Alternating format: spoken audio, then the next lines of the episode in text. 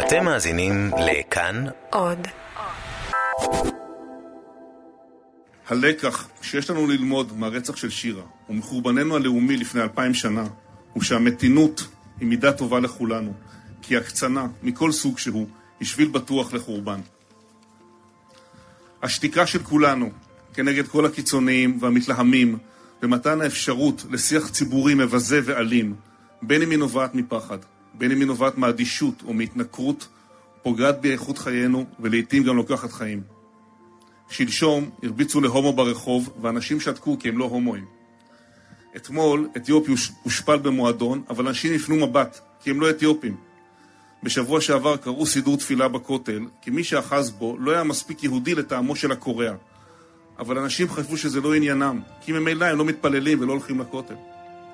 לפני כמה ימים אישה מנעה מבחורה מוצא בדואי לשבת מולה ברכבת, אבל זה לא נגע להמון אנשים, כי הם לא נוסעים ברכבת והם גם לא בדואים. ילדות חרדיות ממוצא מזרחי לא מתקבלות למוסד לימודי, לימודי אליטיסטי בעיני עצמו, אבל זה לא עניינם של רבים, הם לא חרדים וממילא הם שולחים את ילדיהם ללמוד במקום אחר. לפני שבוע, מנהלת בית ספר מנעה מילדה ערבייה להיכנס לבית ספרה לארצות הדו-קיום, אבל זה לא היה חשוב להמון אנשים, כי הם לא ערבים. בשנה שעברה רצחו את הבת שלנו, כי היא חשבה שכל אדם זכאי לחיות את חייו מבלי להיות מבוזה בגלל מישהו. הפעם זה היה מאוד ענייננו, אבל זה היה מאוחר מדי עבורנו. שירה כבר לא תזכה לראות את שינוי המציאות ואת מתינות המרחב והשיח הציבורי. המון אנשים חשבו וחושבים עד היום שזה עניינם. חלקם עומדים כאן איתנו וחלקם אינם כאן, כל אחד מסיבותיו שלו. אך הם כולם חושבים כך, ואנו מכירים להם תודה ותולים בהם תקווה. זה לא מאוחר עבורכם. זה לא מאוחר עבורכם. אל תיתנו לשנאה, לבורות ולדעות קדומות לגרוף אתכם. קומו, עמדו על זכותכם לחיות בחברה סובלנית ומתונה. תודה רבה לכם.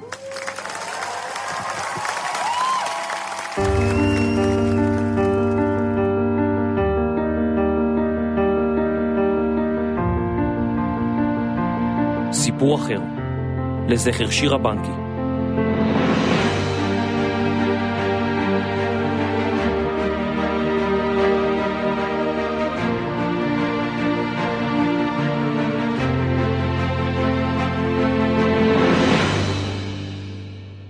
ברוכים הבאים לסדרה סיפור אחר, לזכר שירה בנקי.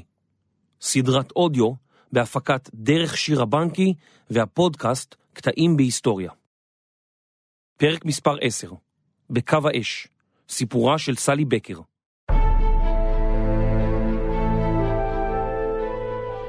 סלי בקר נולדה וגדלה בבריטניה. בגיל 20 הפכה לאומנית מצליחה ונסעה לספרד. היא החלה בהכנות לתערוכת יחיד של מיצגיה. בעת שעבדה בסטודיו, ריצתו בטלוויזיה תמונות מאזור המלחמה ברפובליקה היוגוסלבית. בדיווח סופר על קרבות בבוזניה והרצגובינה, אך לסלי לא היה אפילו מושג היכן הן נמצאות. מדינת יוגוסלביה נוצרה על ידי העמים הסלאבים בבלקן לאחר מלחמת העולם הראשונה, ובשטחה התגוררו עמים שונים, סרבים, קרואטים ובוזנים, שהיו לרוב מוסלמים. בשנת 1992 החלו מדינות שונות לפרוש מיוגוסלביה ולהכריז על עצמאותן. עד מהרה פרצו קרבות בין כל העמים, הסרבים נגד הקרואטים, הבוזנים נגד הסרבים, והקרואטים והסרבים נגד הבוזנים. למתבונן מהצד היה קשה להבין מה קרה שם בדיוק. אזרחים רבים נלכדו בתופת ונהרגו בקרבות, כולל זקנים, נשים וילדים קטנים. רבים נלכדו באזורים מוקפים אויבים, אך לא היה מי שיסייע להם. מדינות רבות באירופה עמדו וצפו מן הצד. באחד מדיווחי החדשות של צוותי הטלוויזיה הרבים שנשלחו לסקר את הקרבות, נראתה תמונה של אישה חסרת אונים, ילד בידיה והיא מנסה לחצות את הכביש.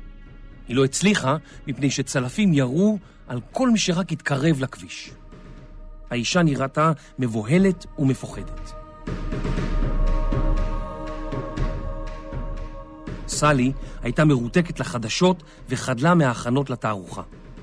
לפתע הסתובבה האישה אל המצלמה ובדמעות שאלה, למה אף אחד לא עוזר לנו? הדבר היכה בסלי כרעם ביום בהיר. היא חשה כאילו האישה דיברה אליה ממש. סלי בקר גדלה במשפחה יהודייה, ושמעה רבות על השואה. לעתים גרם לה הדבר לחשוב מה היא הייתה עושה, לו חיה בתקופת המלחמה וסביבה שכנים יהודים. האם הייתה מסכנת את רכושה כדי להציל זרים? את ילדיה? היא מעולם לא ידעה מה הייתה התשובה לכך, אבל פתאום חשה כי נקרתה בפניה הזדמנות. באותו רגע הרגישה סלי כי עליה לעזור לקורבנות המלחמה ואפילו במעט. היא החלה לחקור וגילתה שיש מספר ארגוני סיוע הפועלים באזורי הלחימה. אף אחד מהם לא היה זקוק לסלי, שכן לא היה לה רקע רפואי והיא לא דיברה את השפות המקומיות. הארגונים דחו אותה בזה אחר זה. אבל סלי לא ויתרה, משהו בער בה בפנים. היא החליטה כי תגיע לאזורי הלחימה כדי לעזור לילדים יהודים שנקלעו לתופת ועתה שהו במחנות פליטים או בבתי חולים. לאחר חיפושים רבים מצאה סלי ארגון קרואטי שהביא מתנדבים למחנות פליטים כדי לעזור לילדים. אנשי הארגון טענו כי היא תהיה חיונית מפני שתוכל לעזור לילדים בעזרת רקע האומנות שלה. סלי הצטרפה לשיירה והחלה לעבוד כמתנדבת באחד המחנות הללו. הילדים במחנה אליו נשלחה סלי פונו מאזורים שבהם עדיין לא התרחשו קרבות, והם לא נזקקו לטיפול בטראומה או בפציעות, רק סבלו משעמום שנבע מחוסר מעש במחנות הפליטים. סלי עבדה עם הילדים, אך תחושתה הפנימית הייתה כי חייבת להיות דרך שבה תוכל לעזור יותר. עם קולגה היא עברה לפאתי העיר מוסתר שבדרום בוזניה והרצגובינה. בקווים כלליים, העיר נמצאת מזרחית לאיטליה וצפונית ליוון. הסרבים ניסו לכבוש שטחים מבוזניה כדי למנוע ממנה להכריז על עצמאותה. הם סירבו לאפשר לאנשים או לאספקה להגיע לאזור. מי שנתפס נלקח למחנות שבהם ריכזו הסרבים את מי שהחשיבו כאויביהם. נשים נאנסו והותקפו, בתים נשרפו, והסיטואציה ביוגוסלביה המפורקת הידרדרה במהירות.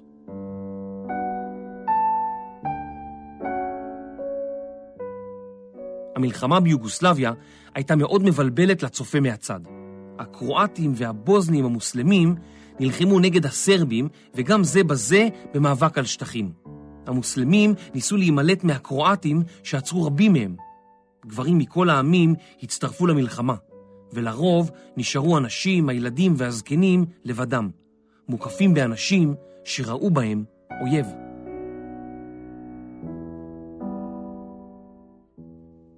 באחד הימים פגשה סלי ילד יהודי בשם דמיאן, שגר באזור הקרואטי. הילד סיפר לה כי סבו צעד ברחוב כשצלף פגע ברגלו. הוא שכב בבית החולים והיה זקוק לעזרה דחופה. בבית החולים מצאה סלי את סבו של דמיאן, ניצול שואה בן 84. הוא היה מותש ובמצב קריטי. רופאיו אמרו כי אם לא יקבל תרופה מסוימת, סיכוייו להישאר בחיים קטנים. כשחזרה סלי למלון שבו שהתה, היא הצליחה לאתר ארגון צדקה ששלח את התרופה בעזרת רופא מגרמניה. סלי נסע למוסתר ועימה התרופה, ובתוך ימים החל סבו של דמיאן להחלים. עד מהרה פגשה סלי את קצין הרפואה הראשי של הצבא הקרואטי, הדוקטור איוון בגריץ', והוא נתן לסלי אישור להמשיך לנסוע למוסתר כדי לעזור לקהילה היהודית במקום. הקהילה כללה פחות ממאה אנשים, רובם אנשים מבוגרים. היו חסרים להם משקפיים, שמיכות, משככי כאבים ושאר חפצים פשוטים. סלי מכרה טבעת שקיבלה מסבתה והחלה לרכוש מזון ומצרכים בסיסיים כדי להביאם לקהילה היהודית. סלי שכרה רנו ארבע ישנה וחבוטה מרופא מקומי, והחלה לנסוע הלוך ושוב למוסתר כדי לספק לקהילה את המצרכים הבסיסיים שחסרו להם. הנסיעה למוסתר הייתה מסוכנת, צלפים ערבו בכל פינה, ובאזורים מסוימים סלי נסעה כאשר כל גופה מכווץ וראשה מציץ בקושי רב מאחורי ההגה. לעתים היו קטיושות עפות מעל ראשה. פיצוצים נראו ונשמעו בצד הכביש, והנסיעה אט-אט החלה להיות סכנת חיים של ממש. סלי חשבה על הסיטואציה שאליה נקלעה, אך קולה הפנימי אמר לה כי האנשים שם חיו כך יום-יום, 24 שעות ביממה, ולכן שעה אחת ביום לא הייתה נוראית כל כך. סלי ידעה כי הקהילה היהודית נזקקה נואשות לעזרתה, ובין חברי הקהילה היו גם אנשים מבוגרים מאוד. סלי אמרה לעצמה כי היא באה כדי לעשות שינוי אמיתי, וכי עד עכשיו חשה כאילו לא עשתה דבר. היא החליטה להמשיך בנסיעותיה לעיר מוסתר למרות הסכנה. באחד הימים, כאשר חזרה למלונה, הופתעה למצוא קצין או"ם שחיכה לה.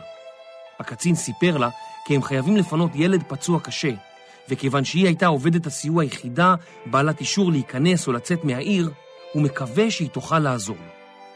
סלי ביקשה אישור לפנות את הילד מאיוון בגריץ', קצין הרפואה הקרואטי. הדוקטור נתן לסלי אישור להוציא את הילדים הפצועים והחולים ממוסתר, כולל אמותיהם.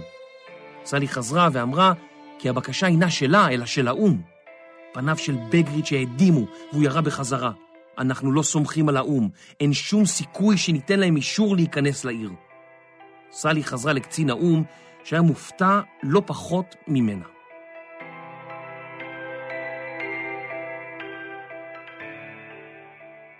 מספר ימים לאחר מכן, שמעה סלי כי מתארגנת שיירת סיוע גדולה של האו"ם וארגוני סיוע אחרים למוסתר. הייתה זו המשלחת הראשונה שעמדה להיכנס למוסתר מזה שלושה חודשים. סלי פנתה לאו"ם כדי שייקח אותה עמם, אך נתקלה בסירוב בטענה כי אין להם אישור לעזור לסלי או להרשות לה להצטרף. סלי המשיכה לשוחח עם כל ארגוני הסיוע שהיו נוכחים בשיירה, אך אף לא אחד מצא לנכון לעזור לפנות את הילדים הפצועים ואימותיהם ממוסתר. סלי חזרה למלון מיואשת והדליקה את הטלוויזיה. בדיווח החדשות ראתה את השיירה שלא הצליחה להצטרף אליה תקועה במוסתר. האנשים הבוזנים המוסלמים פחדו לגורלם ועצרו את השיירה. אמהות וילדים התיישבו על הכביש, והמפקדים הצבאיים חסמו את הדרך בעזרת אוטובוסים. צוותי החדשות שהתלוו לשיירה שידרו את הדרמה בכל ערוצי הטלוויזיה ברחבי העולם. הבוזנים סירבו לאפשר לשיירה להמשיך בדרכה, עד אשר ראו משלח כוח צבאי להגן על המוסלמים. למחרת קיבלה סלי שיחת טלפון, שבה נאמר לה כי הילדים במוסתר מוכנים לפינוי. היא הלכה לדוקטור בגריץ' וסיפרה לו כי לא מצאה דרך לפנות את הילדים ממוסתר. בתגובה, הוא לקח אותה לאמבולנס ישן שנתרם בזמנו על ידי הבריטים ונתן לה את המפתחות. סלי העמיסה תרופות וציוד רב ככל שהשיגה מבית החולים, ונאמר לה כי שני שוטרים ילוו אותה. סלי ביקשה מהשוטרים הסבר כיצד להגיע למזרח מוסתר. השוטרים לא דיברו אנגלית וציירו על דף חץ אחד קדימה וחץ אחד שמאלה. הם לא ששו ללוות אותה מחשש לחייהם, ונפרדו ממנה במהרה.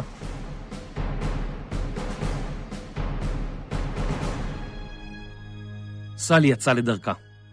השעה הייתה חמש אחר הצהריים בחודש אוגוסט. השמש החמימה ליטפה את פניה, וסלי הרגישה שמחה ומאושרת. מסביב לא נראה ולו אדם אחד.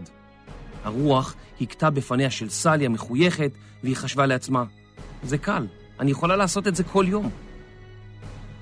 לפתע פילחה ירייה את החלל ופגעה בצפירור, או הצ'קלקה, שעל גג המכונית, והתנפצה ברעש אדיר. סלי הבינה כי צלף ירה לעברה, ובבת אחת המצב התהפך. היא לחצה על דוושת הגז בכל הכוח, אך האמבולנס היה כבד וסירב לנוע במהירות. דמעות שטפו את פניה והיא החלה לבכות בהיסטריה. סלי התכופפה מאחורי ההגה, וכל כמה שניות הרימה את ראשה לראות שהיא עדיין נמצאת על הכביש. לאחר נסיעה מורטת עצבים, היא הצליחה להגיע ליעדה.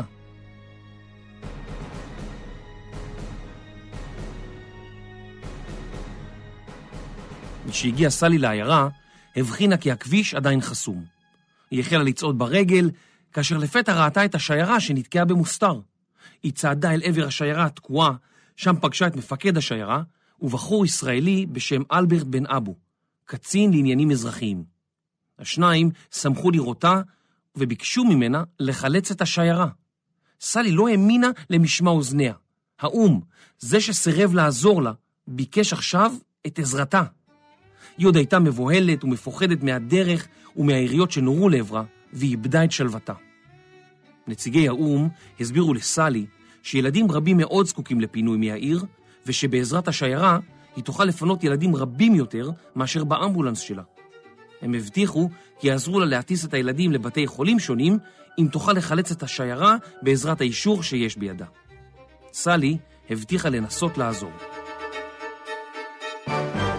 So I went into the hospital and it was actually a public health centre converted because of the war.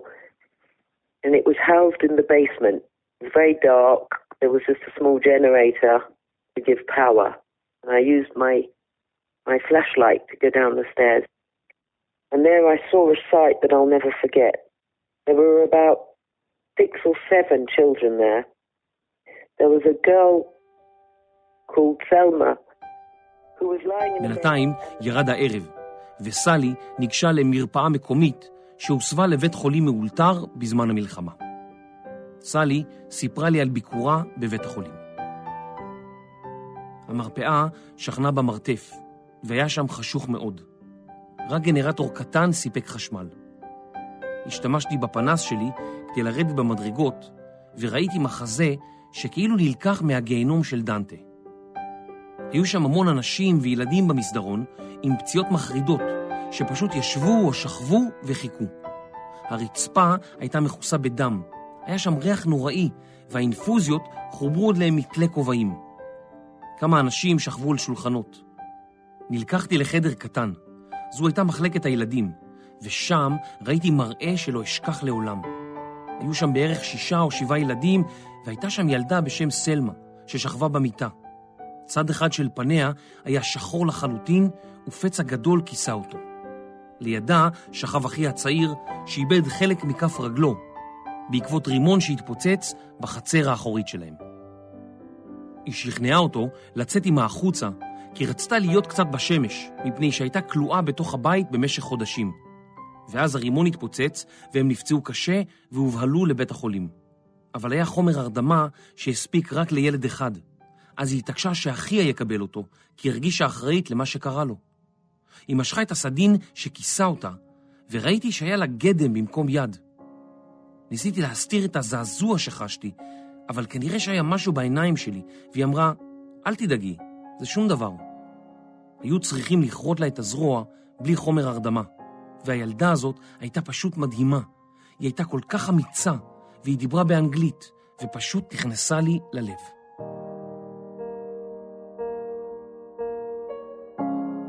בבית החולים המאולתר פגשה סלי גם ילדה בת 16 בשם מאיה, שאיבדה את רגלה. הגדם שלה הזדהם, והיה חשש גדול לחייה. היה שם ילד שנורה בעינו, ועוד ילדים שהיו פצועים בצורה קשה, וכולם היו זקוקים לטיפול רפואי דחוף.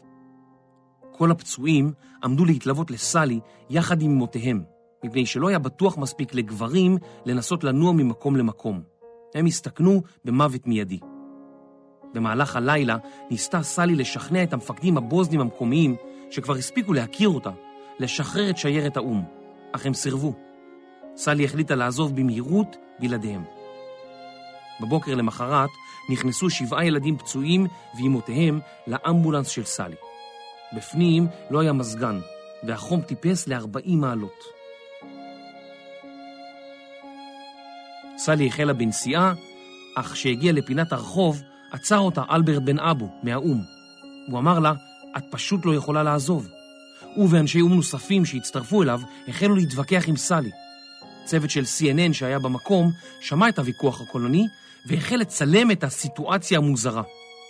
אנשי האו"ם התקפלו, וסלי נסעה אל מחוץ לעיר, ועימה שבעת הילדים הפצועים. היא הגיעה לבסיס האו"ם שמחוץ לעיר, והילדים הוצאו לזגרב, שם קיבלו טיפול רפואי. חלק מהילדים הוצאו לאחר מכן לארצות הברית. חייהם ניצלו.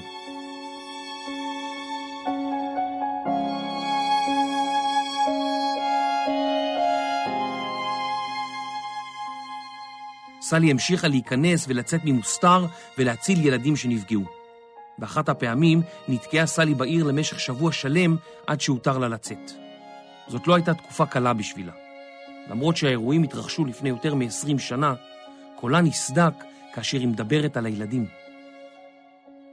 לאחר שיחות ממושכות עם מפקדים באזור, הצליחה סלי להשיג אישור לפנות את כל הילדים הפצועים משני צידי הנהר, בוזנים וקרואטים כאחד. היא טסה לבריטניה למספר שבועות, שם החלה לגייס כספים ולשכנע מתנדבים להצטרף אליה. סלי הצליחה לארגן שיירה מכובדת בת 57 כלי רכב ו-270 אנשי צוות, חלקם בעלי ניסיון רפואי. סלי ומתנדביה פינו למעלה מ-100 ילדים נוספים והביאו למוסתר ציוד רפואי בשווי של כמה מיליוני דולרים. האו"ם, ששמע על השיירה הגדולה של סלי, ביקש כי היא תתאם עמו את רשימת המפונים. סלי שמחה כי סוף סוף החליט האו"ם לשתף פעולה, והיא הסכימה להכין רשימה שכזו. סלי הופתעה לגלות כי ברשימה של האו"ם לא היה אפילו ילד קרואטי אחד. סלי ידע כי ישנם אזורים שבהם מתגוררים קרואטים שהיו מוקפים על ידי בוזנים או סרבים, והיה פשוט הגיוני שגם הם זקוקים לעזרה וחילוץ. כשהחלה סלי בפינוי הילדים, היא הבטיחה לדוקטור בגריץ', ידידה, שתפעל גם להצלת הילדים הקרואטים. היא ידעה כי עליה לקיים את ההבטחה בכל מחיר, אך לא ידעה כיצד.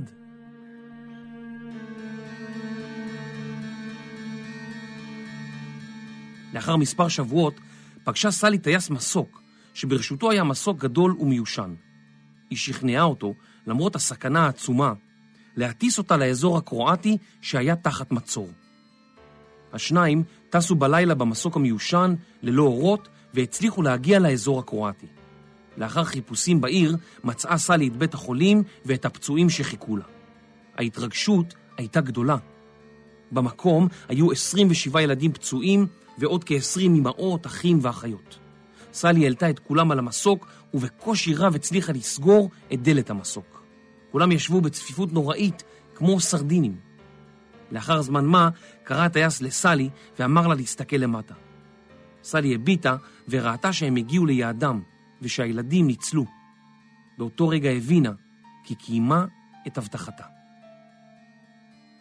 סלי המשיכה לנוע ממקום למקום כדי לאתר ילדים פצועים נוספים שהיו זקוקים לעזרה ולפינוי. היא נסעה לקוסובו, בדרומה של יוגוסלביה, כיוון ששמעה על קבוצה גדולה שהייתה זקוקה לפינוי. בקוסובו היא הצטרפה לקבוצה של 25 ילדים פצועים, ויחד עם משפחותיהם החלו לעלות במעלה הר דרך יערות כדי לחצות את הגבול לאלבניה. בשלב מסוים נתקלה השיירה במערב, ויריות נורו לעברה. הילדים והוריהם ברחו אל היער, אך אם וביתה שצעדו בקדמת השיירה נפלו על הארץ ולא הצליחו לזוז במקומם. סלי נשארה ליד האם והילדה בשעה שמסוק חג מעליהם. פיצוצים נשמעים בקרבתם ויריות חולפות מעל ראשם. לאחר כשעה שלמה נעמדה סלי וצעקה, יש כאן רק נשים וילדים, בבקשה, הפסיקו לירות. סלי, האם והילדה נעצרו ונלקחו למחנה צבאי לחקירה. לאחר יום שוחררו האם והילדה, אך החיילים המשיכו לחקור את סלי במשך שלושה ימים רצופים. במהלך החקירה סיפרו החוקרים לסלי כי כל הילדים והמלווים שברחו ליערות נתפסו ונורו. עולמה של סלי חרב עליה בבת אחת. כבר לא היה אכפת לה מה יקרה לה.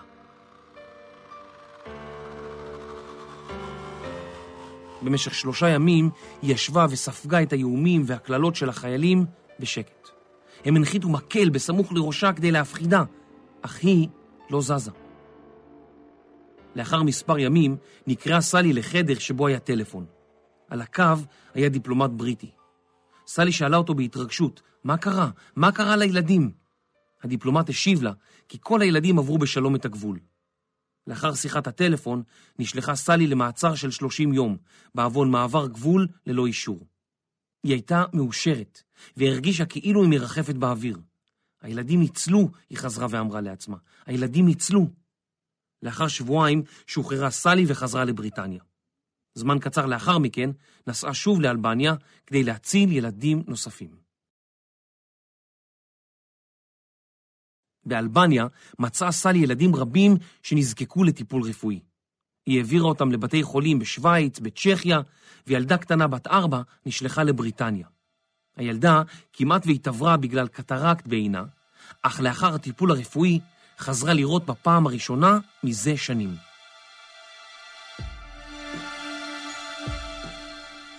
באחד הימים הלכה סלי עם אחות שהתנדבה באזור, בדרך חזרה למלון שבו שהו. לפתע נדחפה סלי הצידה על ידי שני גברים במסכות. אחד מהם שלף אקדח וכיוון אותו לראשה של סלי. באינסטינקט של רגע זרקה סלי את עצמה לרצפה והחלה להתגלגל. האיש במסכה ירה לעברה ופגע ברגלה. נשיא אלבניה שמע על האירוע ושלח את שר הבריאות של המדינה כדי לחלץ את סלי ולהטיס אותה לבית חולים מחוץ לאלבניה. סלי שאלה אותו כמה ילדים יוכלו לטוס עמה במסוק. שר הבריאות השיב כי זהו מסוק קטן ורק היא תוכל לטוס עליו. סלי סירבה בנימוס ונשארה באזור מספר שבועות נוספים עד שהצליחה לחלץ את כל הילדים שהיו זקוקים לטיפול רפואי.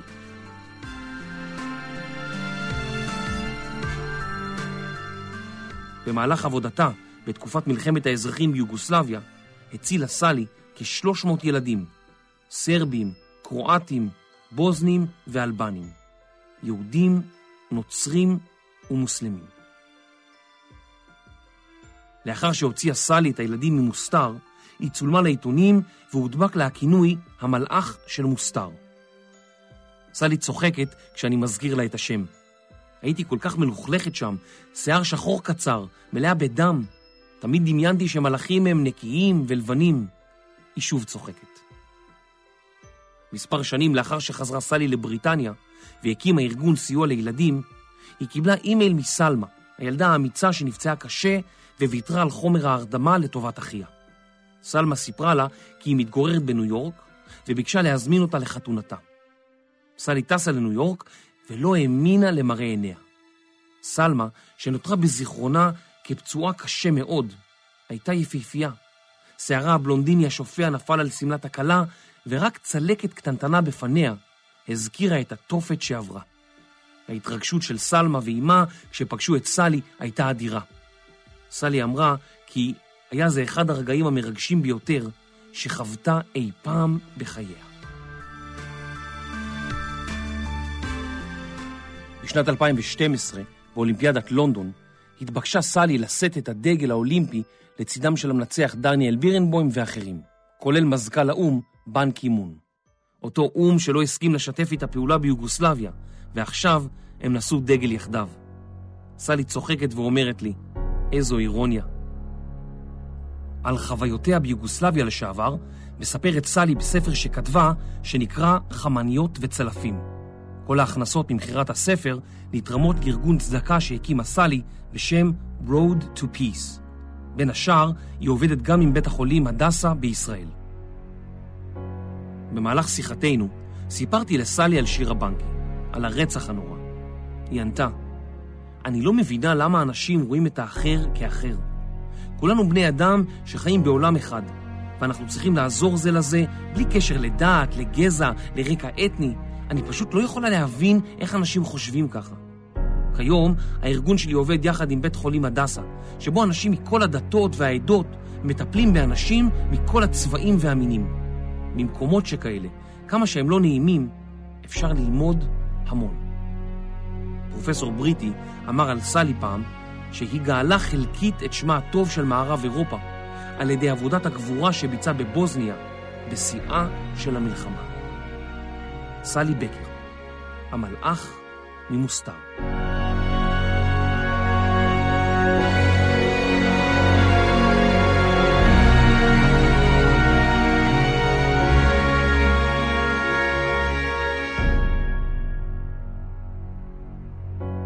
ביולי 2015 צעדו שירה בנקי וחבריה במצעד הגאווה, מתוך אמונה בזכות אחרים לחיות את חייהם כפי שהם רואים לנכון. בשל הסתה, שנאה וקיצוניות, שירה, עדיין לא בת 16, נרצחה.